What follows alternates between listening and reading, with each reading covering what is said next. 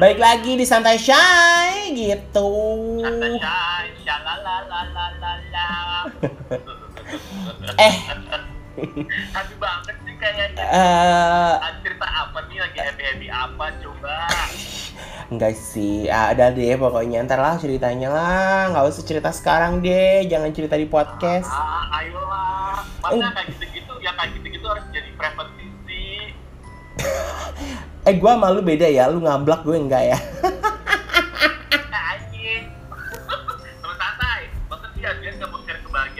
ya Ya pokoknya adalah dari dari dari dari yang pilihan-pilihan yang ada tapi ternyata memang Aha. udah makin hari makin deket dengan seorang inilah gitu. Ghost tuh ya akhirnya ya. Hmm, gitu. Cuman uh, jalanin aja dulu lah, jalanin aja dulu. Gue nggak mau Ya, terlalu ya. itu ber.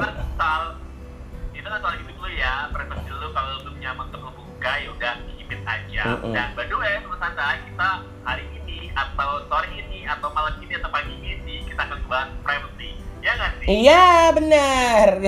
Teman santai. Jadi kita akan bahas tentang privasi. Jadi seberapa penting sih sebuah nilai privasi? Gitu atau seberapa jauh kita sudah menghargai sebuah privasi. Jangan teman santai ya berdasarkan pengalaman gue nih selama hidup gue nih jujur ya teman santai ya dak ya.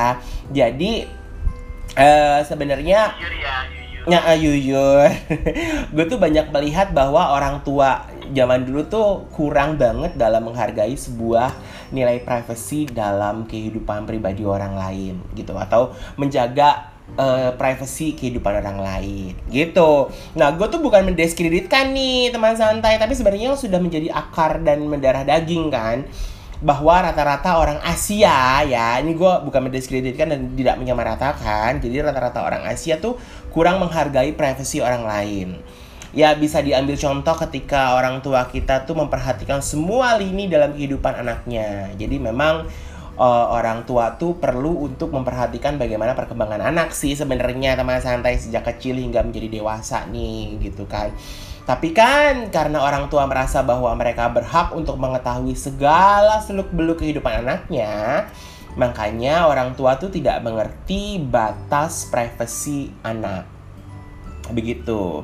Jadilah banyak anak yang merasa bahwa mereka terlalu dibatasi atau dikungkung dalam kehidupan pribadinya teman santai.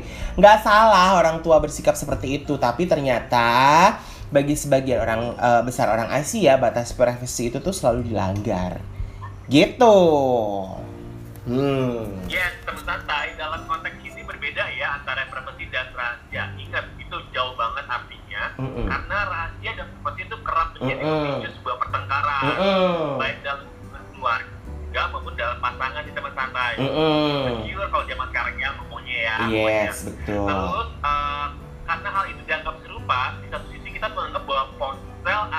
salah satu contoh yang common banget di kehidupan kita. Itu menurut beberapa sebagian orang itu adalah privasi. Mm-mm. Namun di beberapa sebagian orang itu hal yang biasa gitu ya, ponsel atau handphone. Sehingga tak mau dipinjamkan. Contohnya gue mau pinjam handphonenya Adrian mau baca suatu berita. Padahal gue cuma mau baca berita tapi Adrian insecure karena itu privasi. Jadi Yes. kalau dia nggak kasih ya berarti jadi privasi gitu Iya, kan. Walaupun dia ngasih berarti masing-masing orang. Mm-mm. Dan termasuk di orang tua kita, di kakak, di kakak, di adik atau pasangan sekalipun ya yang memang apalagi zaman sekarang itu trust itu sangat susah banget dimiliki untuk eh, apa ya bagi sebagian orang terutama jangankan pasangan ya ya Yes. orang tua aja tuh kalau pegang handphone kita aja kita kayak sebel gitu kan Iya, ha-ha. pasti pegang handphone gue gitu Oh, iya kan. Betul gitu. Dan Mm-mm.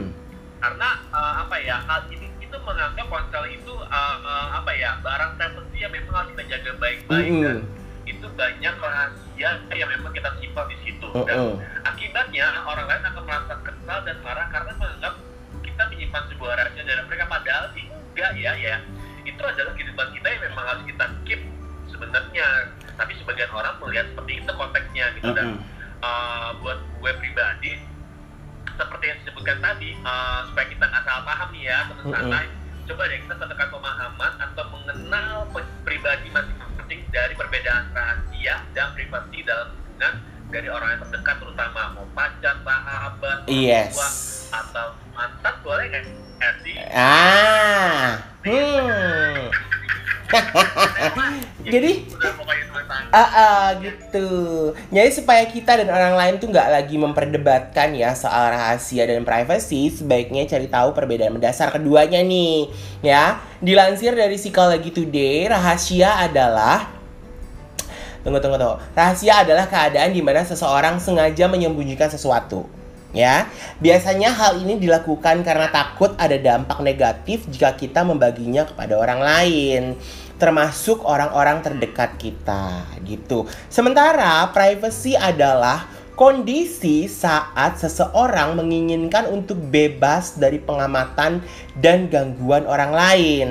Jadi privacy bisa juga diartikan sebagai keinginan diri untuk tidak diganggu oleh apa pun dan siapa pun yang berhubungan dengan kebutuhan, nilai dan keyakinan pribadi gitu teman santai. Jadi oleh karena itu banyak orang merasa bahwa eh, merasa marah ketika privasinya dilanggar. Ya enggak? Pasti teman santai pernah dong kalau ngerasa privasinya dilanggar tuh pasti akan marah. Kayak gitu kan? Gitu. Nah, kalian marah dong ketika buku harian kalian dibaca oleh orang tua kalian. Pernah nggak sih oh, buku harian lo tuh dibaca sama orang tua? Pasti lo tuh marah sama orang tua lo gitu kan? Karena itu adalah privacy gitu. Padahal notabene itu yang baca adalah orang tua kali eh, orang tua kita gitu ya.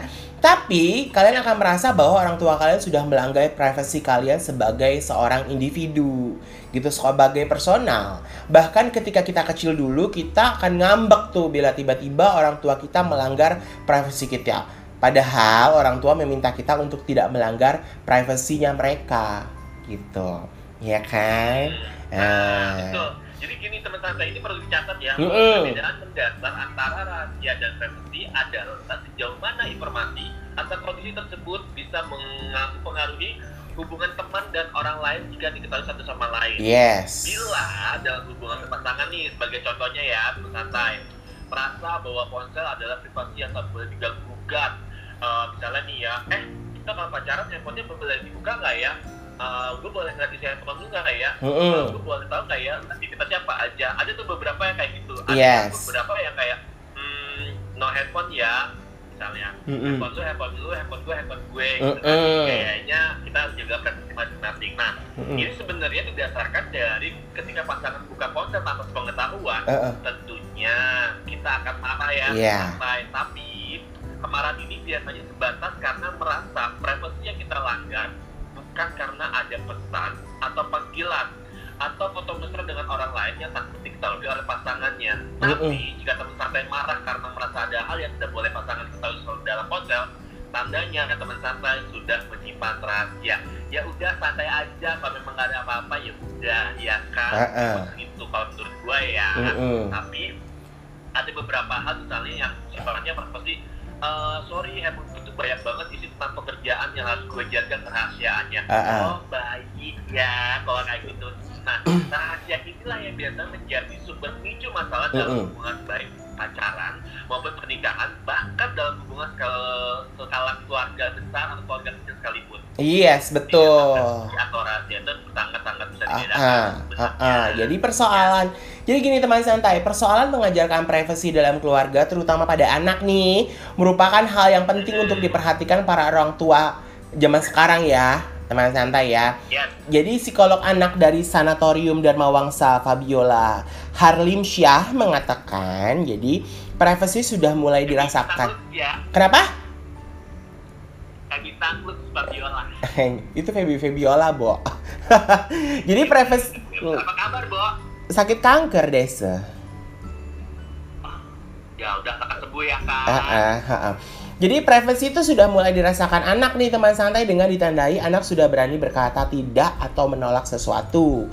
Jadi hal ini merupakan bukti bahwa anak sudah punya pendapat sendiri teman santai gitu. Nah pada usia 2 tahun anak sudah menunjukkan tanda-tanda itu dan bisa diajarkan tentang privacy. Untuk mengajarkannya teman santai orang tua nih bila teman santai yang udah punya udah punya anak ya sudah berkeluarga perlu memberi contoh pada anak. Jadi orang tua bisa mengajarkan anak untuk menghargai privasi ketika sedang makan nih misalnya. tidak main comot makanan dari piring orang lain. Nah, itu adalah salah satu bentuk untuk menghargai sebuah privacy. Ya, atau ketika anak pulang sekolah. Jadi sebagai orang tua, sebagai ibu gitu, izinkan dulu deh anak itu tuh untuk menikmati istirahat hindari pertanyaan-pertanyaan yang mencecar ya kan mengenai hal yang terjadi di sekolah. Jadi mengajarkan privasi dengan menghargai privasi anak. Begitu. Ya. Uh, uh. Itu, itu itu emang benar-benar yang harus kita didik dari dari mulai kecil atau dini mungkin yes, orang tua teman bener, kan? bener, gitu. bener. Karena gini uh, memahami anak itu suatu hal yang sangat penting. Iya. Yeah. Tapi ada beberapa hal sifat privasi yang nah, mungkin bisa diajarkan ke anaknya yang tidak paham privasi atau kurang percaya diri hmm. tentang mengalami uh, apa uh, apa ya uh, kalau kalau bahasa sekarang mah insecure kali ya iya kan? betul kalau bahasa sekarangnya jangan sampai anak justru membiarkan orang lain masuk terlalu dalam uh -uh. dalam rantai privasinya dan berbicara sesuatu yang tidak pantas uh -uh. bahwa privasi dapat menumbuhkan sikap toleransi yang baik pada anak uh, teman, teman uh -uh.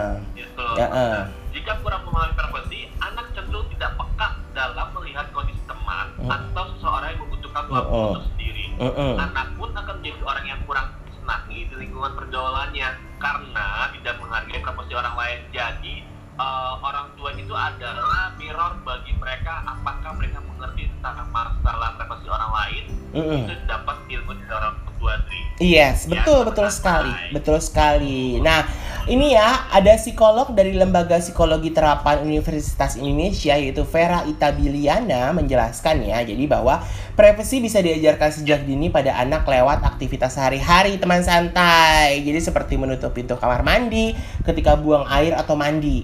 Seiring dengan perkembangan waktu, teman santai ya, biasanya seorang anak kan menjadi remaja dan kebutuhan privasi semakin menonjol. Jadi ketika seorang anak memasuki usia pubertas, biasanya nih di masa tersebut anak ingin menikmati waktu sendiri di, dalam kamar. Jadi seperti mendengarkan musik atau menonton ya. film tanpa ada gangguan dari orang lain, bahkan orang tuanya sendiri nih gitu. Nah, batasan privasi ter, uh, terdapat kesalahan yang jamak dilakukan orang tua pada anak terkait privacy. Jadi orang tua tuh kerap tuh menganggap anak tidak perlu sebuah privacy. Itu salah teman santai. Salah banget. Jadi hal ini tuh membuat anak Yes, gitu. Jadi hal ini tuh membuat anak merasa diremehkan dan kurang dihargai. Jadi meski begitu, ada pula alasan orang tua menghilangkan privasi anak karena takut kecolongan rahasia yang buruk. Tapi kan hal ini kan sebenarnya bisa diatasi dengan komunikasi yang baik ya antara anak dengan orang tua, teman santai. Jadi kalau misalkan ada hal-hal yang memang orang tua pengen ketahui, coba dibicarakan dan dikomunikasikan dengan anak. Itu pasti bisa berjalan dengan baik kok hubungan antara orang tua dan orang tua tetap menghargai privasi anak dan anak tetap bisa menghargai orang lain.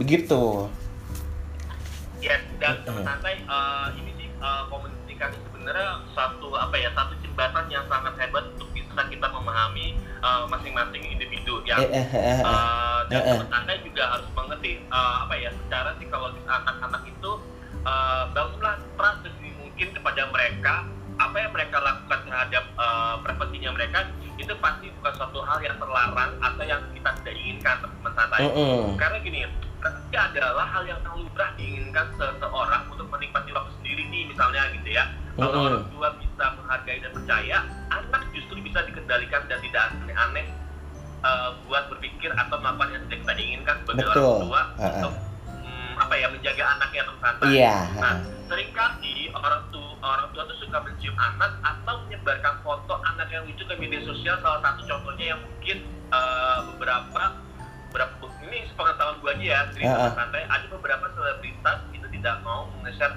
uh, fotonya anak-anak atau anaknya mereka contohnya kayak Raisa sama Hamis ya awal mereka birthnya itu kan anaknya nggak pernah dipublikasikan yeah. karena uh -uh. mereka paham ini adalah posisi anak tersebut dan uh -uh. mereka menghargai hal itu sendiri mungkin dan itu adalah suatu contoh yang sangat baik yang diberikan oleh selebritas tersebut uh -uh. dan itu buat gue keren Cidri Anggun juga begitu Iya, Anggun juga begitu kan?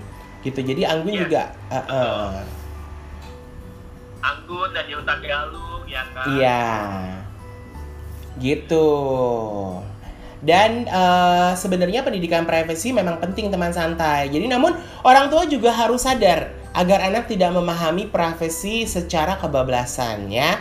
Per, uh, pemahaman privasi yang salah tuh ya ini adalah ketika anak memahami privasi tanpa ada toleransi sama sekali gitu seperti seorang anak yang uh, tidak membolehkan orang lain menyentuh barang-barang pribadinya atau tidak mau berbagi makanan kepada orang lain atau bahkan temennya gitu kan atau mungkin ke saudaranya sekalipun nah jadi orang tua lantas tuh dituntut nih untuk mampu menjelaskan mana hal yang bisa dikuasai sendiri dan yang mana harus dibagi Gitu. Ya. Betul, gitu ya. Karena orang tua itu harus bisa membuat batasan sampai sejauh mana suatu hal masuk dalam uh, ranah privasi, mm -hmm. terutama hal yang menyangkut keselamatan anak-anak bukanlah privasi. Ini karena hmm, sudah menjadi tanggung jawab orang tua sih teman santai untuk bisa melindungi anaknya sejauh mungkin sedini mungkin untuk bisa menghargai yes. satu sama lain. Yes. Misalnya nih, orang tua bisa membuat batasan dengan mengizinkan anak menikmati waktu sendiri ketika dia pulang sekolah, dia pulang les, atau dia habis uh, bermain dengan teman-teman. Iya, iya betul, uh, betul. Uh, untuk untuk mengantisipasi kamar nggak boleh dikunci. Sebenarnya sih tak aja mau dikunci atau tidak, yang penting dia bertanggung jawab atas apa yang dia lakukan. Uh -uh. Terutama uh, anak-anak dewasa itu boleh dibilang SMP, SMA sudah mulai punya dunia sendiri tuh teman-teman. Iya. Yeah. Nah, hal ini yeah, untuk yeah. mengantisipasi kejadian uh, berbahaya seperti kebakaran misalnya gue khawatir tiba-tiba ntar dia ngerokok kamarnya kebakaran misalnya gitu ya sama uh -uh. temennya gitu nah ada tuh zaman dulu gitu kalau nongkrong tuh pasti di kamar ngerokok gitu, embo bener gitu, bener orang tuanya ya, bener kan? bener santai pernah dia ngelakuin kayak gitu ah gue pernah kok gitu. Iya. Nah, teman sanai uh, kita kasih tahu nih ya, lima cara sederhana untuk menghargai uh, privasi seseorang ya. Jadi teman santai mungkin bisa nyimak nih gitu kan. Yang pertama adalah kenali karakter atau kepribadian seseorang. Cara terbaik berkomunikasi dengan seorang adalah dengan memahami karakter atau kepribadiannya teman santai. Jadi kita bisa tahu untuk memposisikan diri kita atau diri orang lain uh, dalam satu hubungan gitu. Jadi setiap orang memaknai nilai-nilai yang dianggap privacy dengan cara yang berbeda-beda gitu kan. Maka itu ketahuilah hal-hal yang disukai dan tidak disukai seseorang untuk dijadikan pertanyaan, gurauan atau topik dalam satu bahan obrolan. Jadi sehingga tuh kita kita tahu ranah hal yang tepat atau tidak untuk dibahas dengan orang tersebut. Gitu. Ya, ya, ya, ya, Iya kan? Terus yang, yang kedua, ya, hindari pertanyaan yang terlalu mendalam ketika mengobrol dengan seseorang yang belum terlalu dekat. Yes. Hindarilah pertanyaan yang terlalu mendetail atau mengarah kepada pertanyaan personal. Iya. Yeah. Membicarakan hal personal lebih baik bersama orang-orang terdekat atau yang sudah lama kenalnya. Iya. Yeah. Nah itu obrolan yang mengarah kepada hal-hal sifat privasi jangan terlalu digali lebih dalam tanpa keperluan. Mm -mm. Banyak dengar dan membiarkan orang lain menceritakan hal privasinya kepada kita secara apa ya uh, let so aja kali ya. Iya. pakai nanya gue bakal cerita kok gitu ya. Uh -uh. Jadi, contohnya adalah kalau di luar sana uh, agama itu privacy yes. Betul. Agama itu privacy mereka tuh nggak mau ditanya agama lu apa. Mm -mm. tapi kalau di Indonesia agama lu apa? Iya. Kayaknya udah mulai-mulai kenal ya gue tanya uh, kayak uh, gitu. Uh, uh, uh, uh, uh, uh, uh, uh, karena karena udah mulai agama lu apa? Iya eh, betul jangan nanya agama boleh nggak gitu kan ah ah ah, ah benar karena karena juga gue ketemu pilkada yang kemarin baru saja uh, berlangsung kemarin ya ada beberapa poster dari para calon ya paslon itu tuh ternyata uh, tulisan agama tuh paling gede loh di antara tulisan latar belakang pendidikannya. Jadi menurut gue sebenarnya nggak perlu lah agamanya itu apa. Kadang-kadang kan itu adalah ya itu balik lagi itu adalah privacy jadi bagaimana orang beribadah bagaimana orang uh, melakukan uh, kepercayaan terhadap agamanya itu kan memang udah urusannya dia sendiri gitu nah gitu. Yang ketiga adalah bijaksana dalam menghadapi keputusan seseorang. Jadi ketika seseorang memutuskan atau memilih sesuatu dalam hidupnya, maka kita harus menghargainya ya kita tidak bisa memaksakan kehendak atau keinginan kita kepada seseorang nih teman santai mungkin nih terkadang seseorang tidak ingin memberitahu alasan dibalik segala keputusannya maka jangan terus bertanya atau mencoba ingin tahu karena itu adalah privacy, batasan privacy baginya. Jadi ketika kamu melihat hal yang kamu anggap bukan privacy dan dianggap oleh orang lain privacy, maka tetaplah menghargai pandangannya. Ya kalau misalkan contohnya gini deh teman santai. Ketika kalian memutuskan bahwa eh gue nggak akan menikah, gue nggak suka ada dengan uh, sebuah uh, uh, pernikahan, itu akan adalah keputusan seseorang. Jadi hargai kayak gitu biasanya yang kayak gini-gini itu terjadi tuh ketika kumpul keluarga. Jadi kadang-kadang tuh saudara-saudara tuh masih kurang mau menghargai privasi. Jadi batasan-batasan privasi seseorang itu selalu ditanya kapan menikah apa kan orang punya alasan tersendiri ya bo nggak nikah nikah sampai sekarang atau mungkin dia memang udah yeah. punya pacar belum menikah. Kan dia punya alasan tersendiri. Toh yang ngejalanin pernikahan kan nanti dia ya bo bukan om tantenya bude pak nya bukan kakek neneknya bukan. Tapi yang jelas adalah dia jadi ya nggak usah banyak tanya sih. Apalagi nih ya mau perayaan-perayaan begini nih uh, semua nanya kapan nikah pacarnya siapa? Hei halo. Kok jadi kesel ya gue apa ya budaya iya ya budaya nih pertanyaan-pertanyaan kayak gini nih iya ya, gue udah capek ah ah gitu gue sudah melewati hal seperti ini udah bye bye bye oke lanjut yang keempat hindari keinginan untuk menjadi orang yang diprioritaskan. Yes. Oke. Okay? Terkadang seorang membutuhkan uang hanya untuk dirinya sendiri tanpa kehadiran orang lain bersamanya. Yes. Bahkan dalam hubungan yang sangat dekat atau intim sekalipun, mm -mm. tetap ada batas-batas tertentu yang dianggap privasi atau sama lainnya. Mm -mm. Jadi jangan tidak dianggap nih teman santai atau jadi dihargai sebagai orang tua atau mm -mm. bahkan tidak dipercayai jika seseorang menyatakan suatu hal sebagai privasi dirinya mm -mm. karena memang begitulah privasi bagi seseorang. Mm -mm. Dan orang punya hak membatasi hal-hal tertentu bagi dirinya sendiri. Contohnya adalah misalnya nih Adrian, lu kerja ya? Gaji lu berapa? Mm -mm. Bo, nanya gaji gue. Mm -mm. Halo, mm -mm. siapa nanya gaji gue? Iya benar. Itu ya, Bo. Iya. Teman-teman tuh kadang tuh ke suka nanya gitu loh. Lalu ternyata gaji lu berapa? Ya lu bilangnya berapa gajinya? Jangan yang teman-teman gue lancing gitu kan? Iya, benar benar. Gitu. Benar benar. Tapi itu pernah terjadi kok di antara geng gue tuh pernah. Jadi ada satu ada salah satu teman cowok gue tuh teman gue cowok tuh dia tuh selalu pengen tahu gaji lo berapa di situ kerja di situ gaji lo berapa. Bo lo nggak perlu tahu gaji orang berapa lo hargain orang dong. Itu privacy. Mau har mau dia gajinya puluhan ratusan juta dia juga nggak bakal nyebutin.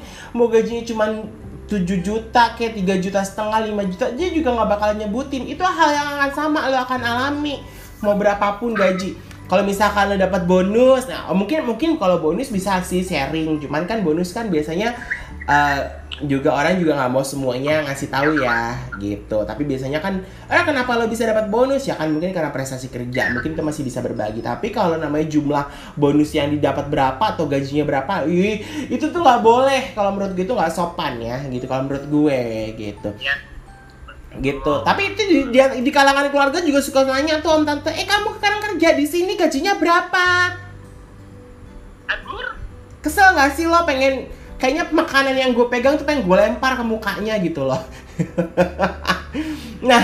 Kalau dengan orang tua ya. Ah, ah kalau gue gitu. Kalau gue kadang-kadang takutnya gue nekat gitu kan. Nah yang kelima adalah menjaga dan menghargai privasi diri sendiri. Jadi tidak semua hal bisa dibuka atau dibagikan kepada setiap orang nih teman santai. Jadi meski terkesan seperti menutup diri atau menyembunyikan sesuatu namun privacy sebenarnya adalah lebih untuk menjaga dan menghargai diri. Gitu. Jadi ketika kita membatasi suatu hal dan menganggapnya sebagai privacy, maka itulah cara kita menghargai bahwa hal tersebut hanya untuk kita tanpa orang lain perlu mengetahuinya. Jadi teman santai, ya. mulailah menghargai privasi orang lain dengan menghargai privasi diri sendiri gitu. Jadi uh, akan tahu seberapa penting nilai privasi dalam kehidupan pun akan mengajarkanmu ag uh, agar tidak terlalu apa ya menggali atau ingin mengetahui privasi orang lain begitu teman santai. Nah, itulah tadi lima cara sederhana yang bisa mm, kita lakukan ya agar lebih menghargai privasi seseorang. Jadi jangan terlalu kepo deh atau ingin tahu dengan privasi orang lain kayak begitu. Yes, yes, yes, yes teman santai. Jadi privasi itu harus dihargai ya meskipun itu uh -uh deh ya. Iya benar. Benar. Edukasiin dan dijalanin. Dengan menghargai privasi orang-orang di rumah itu dengan begitu kita bisa menghargai privasi orang lain di luar sana. Ya, Iya kan? Itulah bener, ya. bener, bener. Tapi lo pernah nggak sih ada hal-hal yang pernah Apa? gini, lo pernah ngalamin nggak privasi lo dilanggar oleh orang lain? Kita kalau bicara mengenai teman, mungkin ada beberapa teman yang pernah ya, mungkin ya. Tapi pernah nggak hal privasi itu dilanggar oleh orang terdekat lo? Apa? pernah. Eh, kendaraan. Iya, kenapa itu kendaraan tuh? Jadi waktu gue waktu ini ini ini eh, mundur lagi ketika gue pertama kali beli kendaraan motor Mega Pro gitu ya. Iya, heeh. Eh, Oh, sebenarnya aku ingat Mega Promo itu, aku ingat. Aku kan pernah dibonceng sama kamu. Hmm. kan kamu pakai motor itu. Iya, ya aku berasa deh. Kamu tuh berasa maco banget pakai pokok Mega Pro itu tau nggak?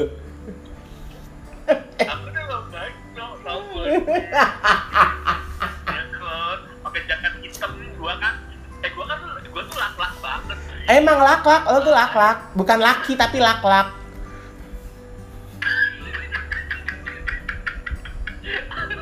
Nah, jadi waktu zamannya gue pakai Mega Pro itu eh, itu adalah kendaraan mencari Hmm. rezeki gitu kan. Hmm. Suatu hari pagi-pagi gue berangkat kerja, itu motor gue nggak ada, Dri. Ya. ah.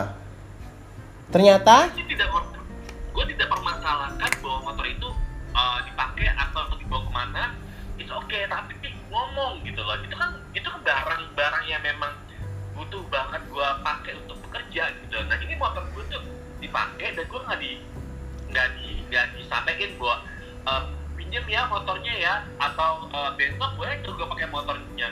Itu hal simpel sih sebenarnya teman santai. Ketika kalian ingin meminjam suatu barang hal yang sangat pribadi dan itu adalah penggerak perekonomian dalam dirinya teman-teman santai atau saudara atau diri kita, please lakukan izin atau minta pamit atau loan nuwun untuk pinjam barangnya tanpa eh, apa ya eh, tanpa malu-malu gitu loh. Kalau misalnya tiba-tiba lu pinjam barang tapi lu nggak bilang itu barang mau dipakai, deh.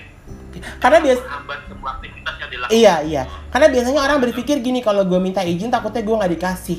Bo, kalau lo minta izin dengan baik-baik dan punya alasan yang kuat, pasti kita akan memberikan. Gue itu nggak pernah minjem motor kakak gue, cuman buat gue mau ke mana. Biasanya gue minjem motor nih, Mas, gue minjem motor, gue mau beli ini ke sini. Dia pasti ngasih. Padahal ya gue cuman cuman mau main doang juga sama dia juga dikasih. Cuman kan gue nggak pernah mau mau minjem motornya dia. Satu adalah ya itu punya dia, dia berhak kok dia mau pergi ke mana aja pakai motor kan suka-suka dia. Tapi gue nggak pernah. Padahal tuh ketika di Mampang dulu ya gue ngekos tuh motor nangkring aja seharian. Gue mau pakai tuh motor juga, gue WA dulu nih, Mas, gue pinjem motor lu. Kuncinya di mana? Soalnya gue mau ngambil laundryan kayak gitu.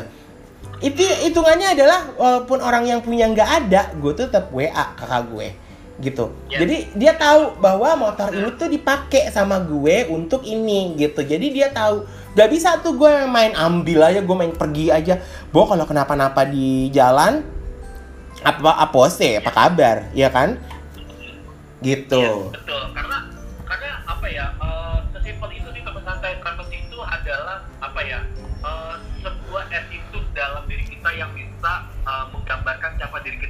Sebenarnya. Iya, Nah, betul. Nah, seperti itu sebenarnya bisa banget kita lakukan teman santai. Iya. Coba deh mulai lagi menggali suatu hal yang simpel tentang menghargai privasi orang. Iya, betul. sendiri, Betul. Atau orang tua kita sendiri. Betul. Atau lingkungan saudara kita sendiri. atau bahkan anak kita sendiri ya gitu bahkan anak kita sendiri pun gitu jadi memang dan gue tuh per, eh, gue tuh emang nggak emang gak tahu ya mungkin yang seperti tadi gue bilang jadi kayak memang budaya di Asia tuh agak kurang yang namanya mengajarkan tentang privacy. Karena di Amerika ah, di Amerika kita nggak usah ngomong Amerika negara Barat. Anak lahir tuh udah dibikinin kamar sendiri bo. Ya kan? Iya. Ya, karena mereka sejak bayi sudah dihargai privasinya bahwa nanti dia setelah dewasa dia akan punya kamar ini adalah kamar dia sampai nanti dia dewasa. Dan sampai nanti dia meninggalkan rumah untuk dia bekerja, dia eh, istilahnya melanglang buana meniti karirnya. Tapi dari sejak dia masih bayi merah baru dilahirkan, dia sudah punya kamar sendiri dengan warna-warni dan apa pun. Itu udah dihargai menurut gue. Menurut gue itu didikan yang baik dengan eh, cara barat ya gitu karena Eh, orang tua cuma di sini kan orang tua nanti anaknya kenapa-napa, anaknya kenapa-napa. Nah, dari awal aja mereka lo tuh udah nggak percaya bahwa uh, anak lo tuh nggak akan kenapa-napa gitu loh pastinya tapi lo udah nggak percaya bahwa ah, ntar anak gua kena apa kena apa kena apa gitu. Nah itu tuh udah nggak bisa karena dari bayi aja lo tuh udah nggak dipercaya gitu. Artinya ketika lo udah melanggar privasi orang berarti lo tuh udah nggak percaya sama orang itu gitu. Yes betul banget. Dan itu sih memang budaya ya untuk darah daging. Tapi bisa nggak sih kita coba untuk switch? Yuk dari mulai sekarang untuk teman-teman santai yang sudah berkeluarga atau yang sudah punya anak atau yang akan punya anak coba deh kita belajar lagi meningkatkan rasa percaya sama anak atau sama keluarga kita masing-masing terhadap privacy iya betul ya kan? betul. Itu tipe ini sih sebenarnya. Contohnya adalah gini misalnya lu punya baby nih baby lu tuh lagi tidur lu pulang kerja terus lu gangguin dia padahal itu privacy dia lo lagi snack gitu kan? Mm -hmm. lagi tidur dan lu gangguin meskipun ini anak gue anak gue lucu gue pengen main sama anak gue. Ya udah saat tunggu dia bangun bisa kan gitu kan? Iya. kadang mama kan gitu ya. Iya ya iya. kadang mama gitu kan kadang bapaknya suka nggak ngerti tuh emang gue kadang-kadang suka bapak-bapak.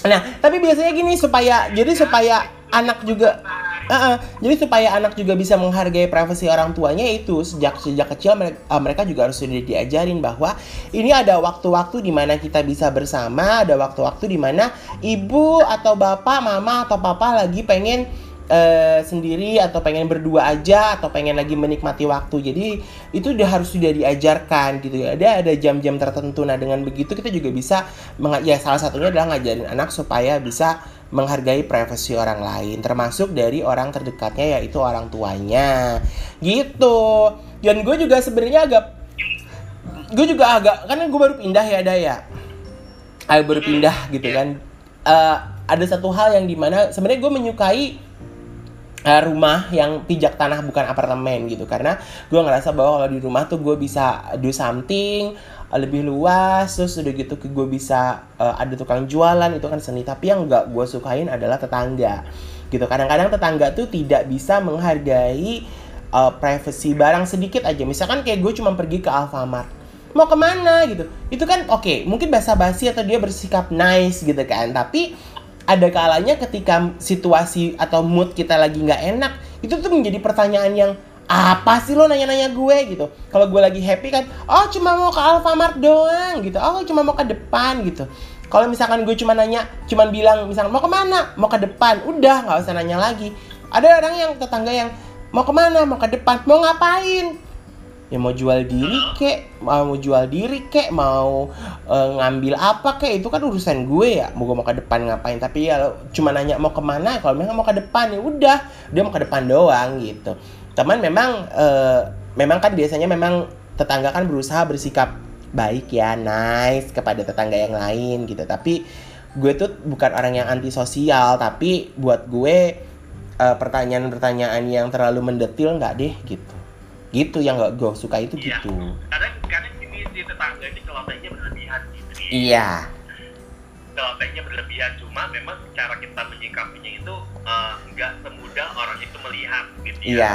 Uh, contohnya contohnya gini gue juga punya apa uh, rumah tanah rumah pijak gitu ya. Kiri kanan gue ya mas santai. Ya kiri uh, kanan rumah gue itu bisa dibilang dia uh, sendiri gitu ya sebelah kiri gue itu dia sudah berkeluarga. Nah sementara gue sudah mantan berkeluarga ya. Uh -uh. ya uh, itu kadang-kadang gue gak enak gitu ya mau mau uh, apa ya uh, mau nawarin sesuatu gitu ya. Padahal gue cuma be, mau ber apa ya uh, bersopan banget deh gitu. Misalnya gue masak nih gitu kan gue masak ada ada banyak lah gitu. Misalnya gue bikin bubur kacang hijau gitu kan ah bagi ke tetangga gitu kan cuma tetangga sebelah gue itu kan nggak pernah keluar rumah ya mm -hmm. untuk menghargai kata pentingnya gue nggak harus gedor pintunya kan mm -hmm. nah akhirnya gue lewatin terus gue skip karena gue gue, gue menghargai privasinya dia gitu kan mm -hmm. dan gue nggak akan gedor nah akhirnya gue lewatin nih rumahnya skip ke rumah satunya lagi yang memang udah open banget dia terbuka banget welcome banget kalau menamu nah and then nah gue mikir ya itu yang sudah harus gue lakukan sih memang sudah benar gitu kan mm -hmm. karena kadang kita tuh punya punya tetangga udah pintunya tutup tapi bener-bener maksa getok gitu loh. Iya. Ya nggak sih? Iya. Malah maksa uh, maksa untuk apa di menamu gitu. Padahal itu itu ada privacy gitu loh. Ya lu Iya. nah ntar deh kalau pintunya terbuka gitu Ah, ya ah, kan, sebenarnya. Iya, gue juga kepikiran begitu santai, sih. melakukan hal yang kayak gitu. Gue juga sempat gue selalu kepikiran gitu sama tetangga. Jadi kalau misalkan ditutupan oh pergi. Gue selalu beranggapan oh mungkin dia pergi oh mungkin dia di dalam lagi tidur atau istirahat lagi apa ya gue harus menghargai itu gitu. Jadi jangan sampai gue getok-getok apa walaupun cuma sekedar untuk ngirimin makanan tapi ya gue gue menghargainya dengan seperti itu gitu. Nah ya udahlah teman santai. Jadi memang eh, coba deh teman santai berpikir atau coba introspeksi sejauh mana teman santai sudah bisa menghargai sebuah privacy gitu. Entah privacy dari eh, pacar pasangan atau privacy dari saudara sendiri atau privacy dari orang tua atau mungkin tetangga atau mungkin teman gitu. Jadi supaya apa eh, nggak ada konflik ya Bo? Kadang-kadang kan pelanggaran privacy itu melanggar konflik gitu gitu deh Jadi, kasus dulu udah bisa dibongkar belum sama siapa sekarang? nggak di podcast juga ya Bo